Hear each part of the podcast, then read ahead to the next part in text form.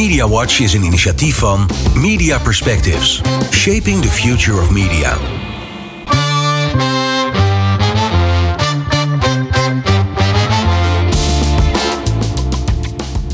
Je luistert naar Media Watch. Mijn gast is nog steeds Daan Odijk, hoofd data en AI bij RTL. Ehm, ja, Daan, we hebben het al uitgebreid gehad over AI en alles wat daar aan het gebeuren is. Uh, nu is er is zoveel aan het gebeuren. Er is ook een enorme discussie natuurlijk over alles ethische kwesties mhm. die uh, daarmee samenhangen.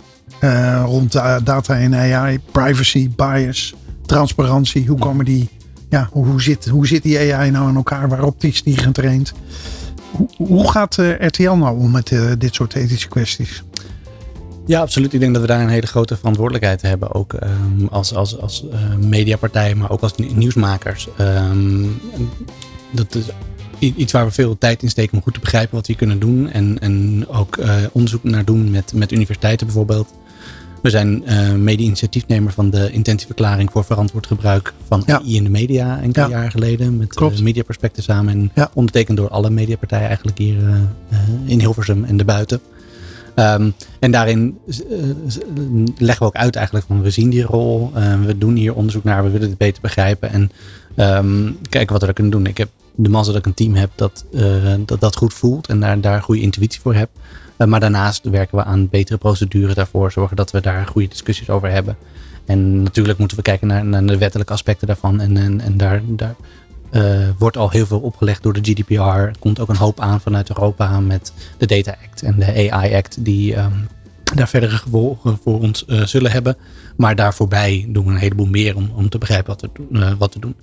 Dus bijvoorbeeld als we algoritmes maken, zoals zo'n plaatjesalgoritme wat ik noemde, om aantrekkelijk plaatjes te vinden, dan uh, beschrijven we erbij van hoe hebben we deze dataset gemaakt, welke bias zouden misschien in kunnen zitten, waar kunnen we het nu wel voor gebruiken, waar zouden we uh, voorzichtig mee moeten zijn als we het uh, op een andere plek gaan gebruiken, zodat we dat veel beter vastleggen en, en zorgen dat nou, de volgende keer als iemand anders dat, datzelfde model weer hergebruiken, daar ook gewoon goede instructies voor zijn. Ja.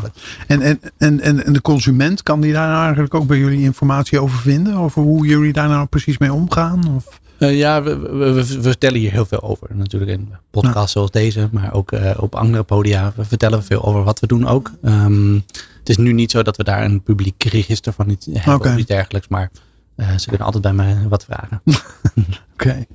Okay. Um, een, van die, een, van die, een van die omstreden onderwerpen is bijvoorbeeld natuurlijk ook dat je bijvoorbeeld AI kan gebruiken voor het detecteren van emotie. Hè? Mm -hmm. uh, volgens mij zijn jullie daar ook mee, mee bezig. Hè? Van, van uh, nou ja, uh, emotiedetectie in, bestaan, in video bijvoorbeeld. Maar ik neem aan ook emotiedetectie bij als mensen die video's bekijken of niet? Of is dat, nee hoor, nee, nee, nee. Dat, dat, dat, is niet de soort data waar we okay. toegang toe hebben. Dus we, we, we, kijken niet op de camera mee als je aan, naar Videoland aan het kijken bent. Dus, nou ja, dat zou in een soort zou dat natuurlijk Wellicht zou dat kunnen. Ja. Dus, zeker zijn er wel eens um, onderzoekjes geweest waarbij we kijken naar reacties van mensen. Um, maar dat is ook iets wat, wat, wat zo oud is als het produceren van content eigenlijk. Maar hoe gebruiken jullie dan uh, emotiedetectie bijvoorbeeld in, in video? Nou, we, we gebruiken het niet op heel veel plekken. Een van de plekken waar we het gebruiken is bij het automatisch maken van trailers. Uh, daarvan weten we dat, dat als we verhalen vertellen dat emotionele content dat die belangrijk is. En zeker ook in trailers hebben we begrepen van editors van die zoeken vooral ook een soort van de emotionele interessante momenten. Oké, okay, dus eh, dan, dan vindt AI geautomatiseerd die, die elementen waar je naar op zoek bent. Ja, dan exact. En, het scheelt en, gewoon tijd. Precies, het scheelt tijd. En vervolgens leggen we wel de beslissing weer in handen bij een, uh, een, een video-editor, een, een, een promoregisseur, die een keuze maakt over welk verhaal die wil vertellen. Dus het is ook niet zo dat we automatisch, geautomatiseerd die beslissing nemen. Uh, en dat we daar alleen maar de emotionele momenten uithalen. Maar wij doen suggesties van in plaats van deze anderhalf uur, kijk naar deze twintig minuten, want dat is het meest interessante. Um, en dit is ook nog volop in ontwikkeling bij ons. Ja. Nou noemde je zelf net al uh, de regelgeving. Hè? Dat, nou, Europa is er natuurlijk behoorlijk actief uh, mee, eerlijk gezegd. Um, welke, welke impact denk jij dat de huidige en toekomstige regelgeving als het gaat om data zal hebben op de mediasector? Ja, ik denk, ik denk dat uh, GDPR heeft natuurlijk een hele grote impact gehad. Niet alleen op, op de mediasector, maar heel, heel breed. Um, ik denk dat voortbouwend daarop zien je dat uh, de uh, third-party cookies uh, beperkt eraan worden. Dus dat data delen, dat dat een, een, praktijk is die veel minder um, um, past bij, bij, bij de regelgeving eigenlijk. Dus dat is ook iets waar, waar wij natuurlijk naar kijken. Ehm, ik denk dat de AI Act dat die voor sommige sectoren absoluut een, een GDPR-achtige impact kan hebben. maar wat er denk ik heel goed aan is, is dat er nadrukkelijk wordt gekeken naar, naar, naar, het risico dat um, een toepassing van AI heeft. en dat afhankelijk van het risico de eisen voor uh, systemen en verslaglegging en, en dat soort dingen veel hoger worden als het risico hoger wordt. Dat is denk ik heel goed. Ik denk dat veel van onze toepassingen dat die onder het lage risico vallen. En, mhm. eh, en daardoor um, krijgen we wel meer grip op eigenlijk van, van hoe zou je over na moeten denken als het een hoog risico toepassing is, zonder dat we direct richtlijn opgelegd krijgen. En uh, op sommige plekken kiezen we er zelf bewust voor om het uh, risico eigenlijk een soort van hoger in te schatten en daar bewust mee om te gaan. Dus bijvoorbeeld personalisatie van nieuws is op dit moment lijkt dat niet hoog risico te gaan worden, uh, maar is wel iets waar wij veel voorzichtiger mee zijn dan, dan dat voorgeschreven wordt vanuit Europa. -hmm. ja. Nu, nu zijn mediabedrijven ongelooflijk bezig hè, met het verzamelen van allerlei data. En nou ja, bestaat, is er eigenlijk zoiets als te veel data? Um, ik denk wel dat, dat bedrijven en mediabedrijven om te veel data zouden kunnen vragen. Absoluut. Um, um, nee, ik denk dat, dat, dat, we daar ook voorzichtig in moeten zijn. En dat ja. een, een goede aanpak voor uh, privacy is om dataminimalisatie te doen. Van hebben we dit nou echt nodig? En, en niet ja. overal naar op zoek te gaan wat we doen. En dat is ook wat, wat, wat nu de regelgeving voorschrijft. Maar ook waar het naartoe wijst. Waar we als uh, maatschappij naartoe willen. En daar, daar sta ik helemaal achter. Ja, maar is het ook misschien een kwestie van keuzes maken waar je, ja, naar welke data je precies gaat kijken? Mm -hmm. uh, wat vind je nou eigenlijk belangrijk? Ja, nee, nee, dat, dat is de... en, en, welke waarde heeft het ook? En ja. Ik denk dat, dat, dat, dat we komen uit een periode waarin de praktijk was, uh, zeker voor nou ja, de grote advertentiebedrijven zoals Google en, en Facebook, om zoveel mogelijk data te verzamelen en dat zo, zo, zo gedetailleerd mogelijk beschikbaar te stellen. En ik denk dat, dat die tijd wel voorbij is. En dat dat, um, dat ook heel goed is. Uh, als consument vind ik dat. Ja, ja.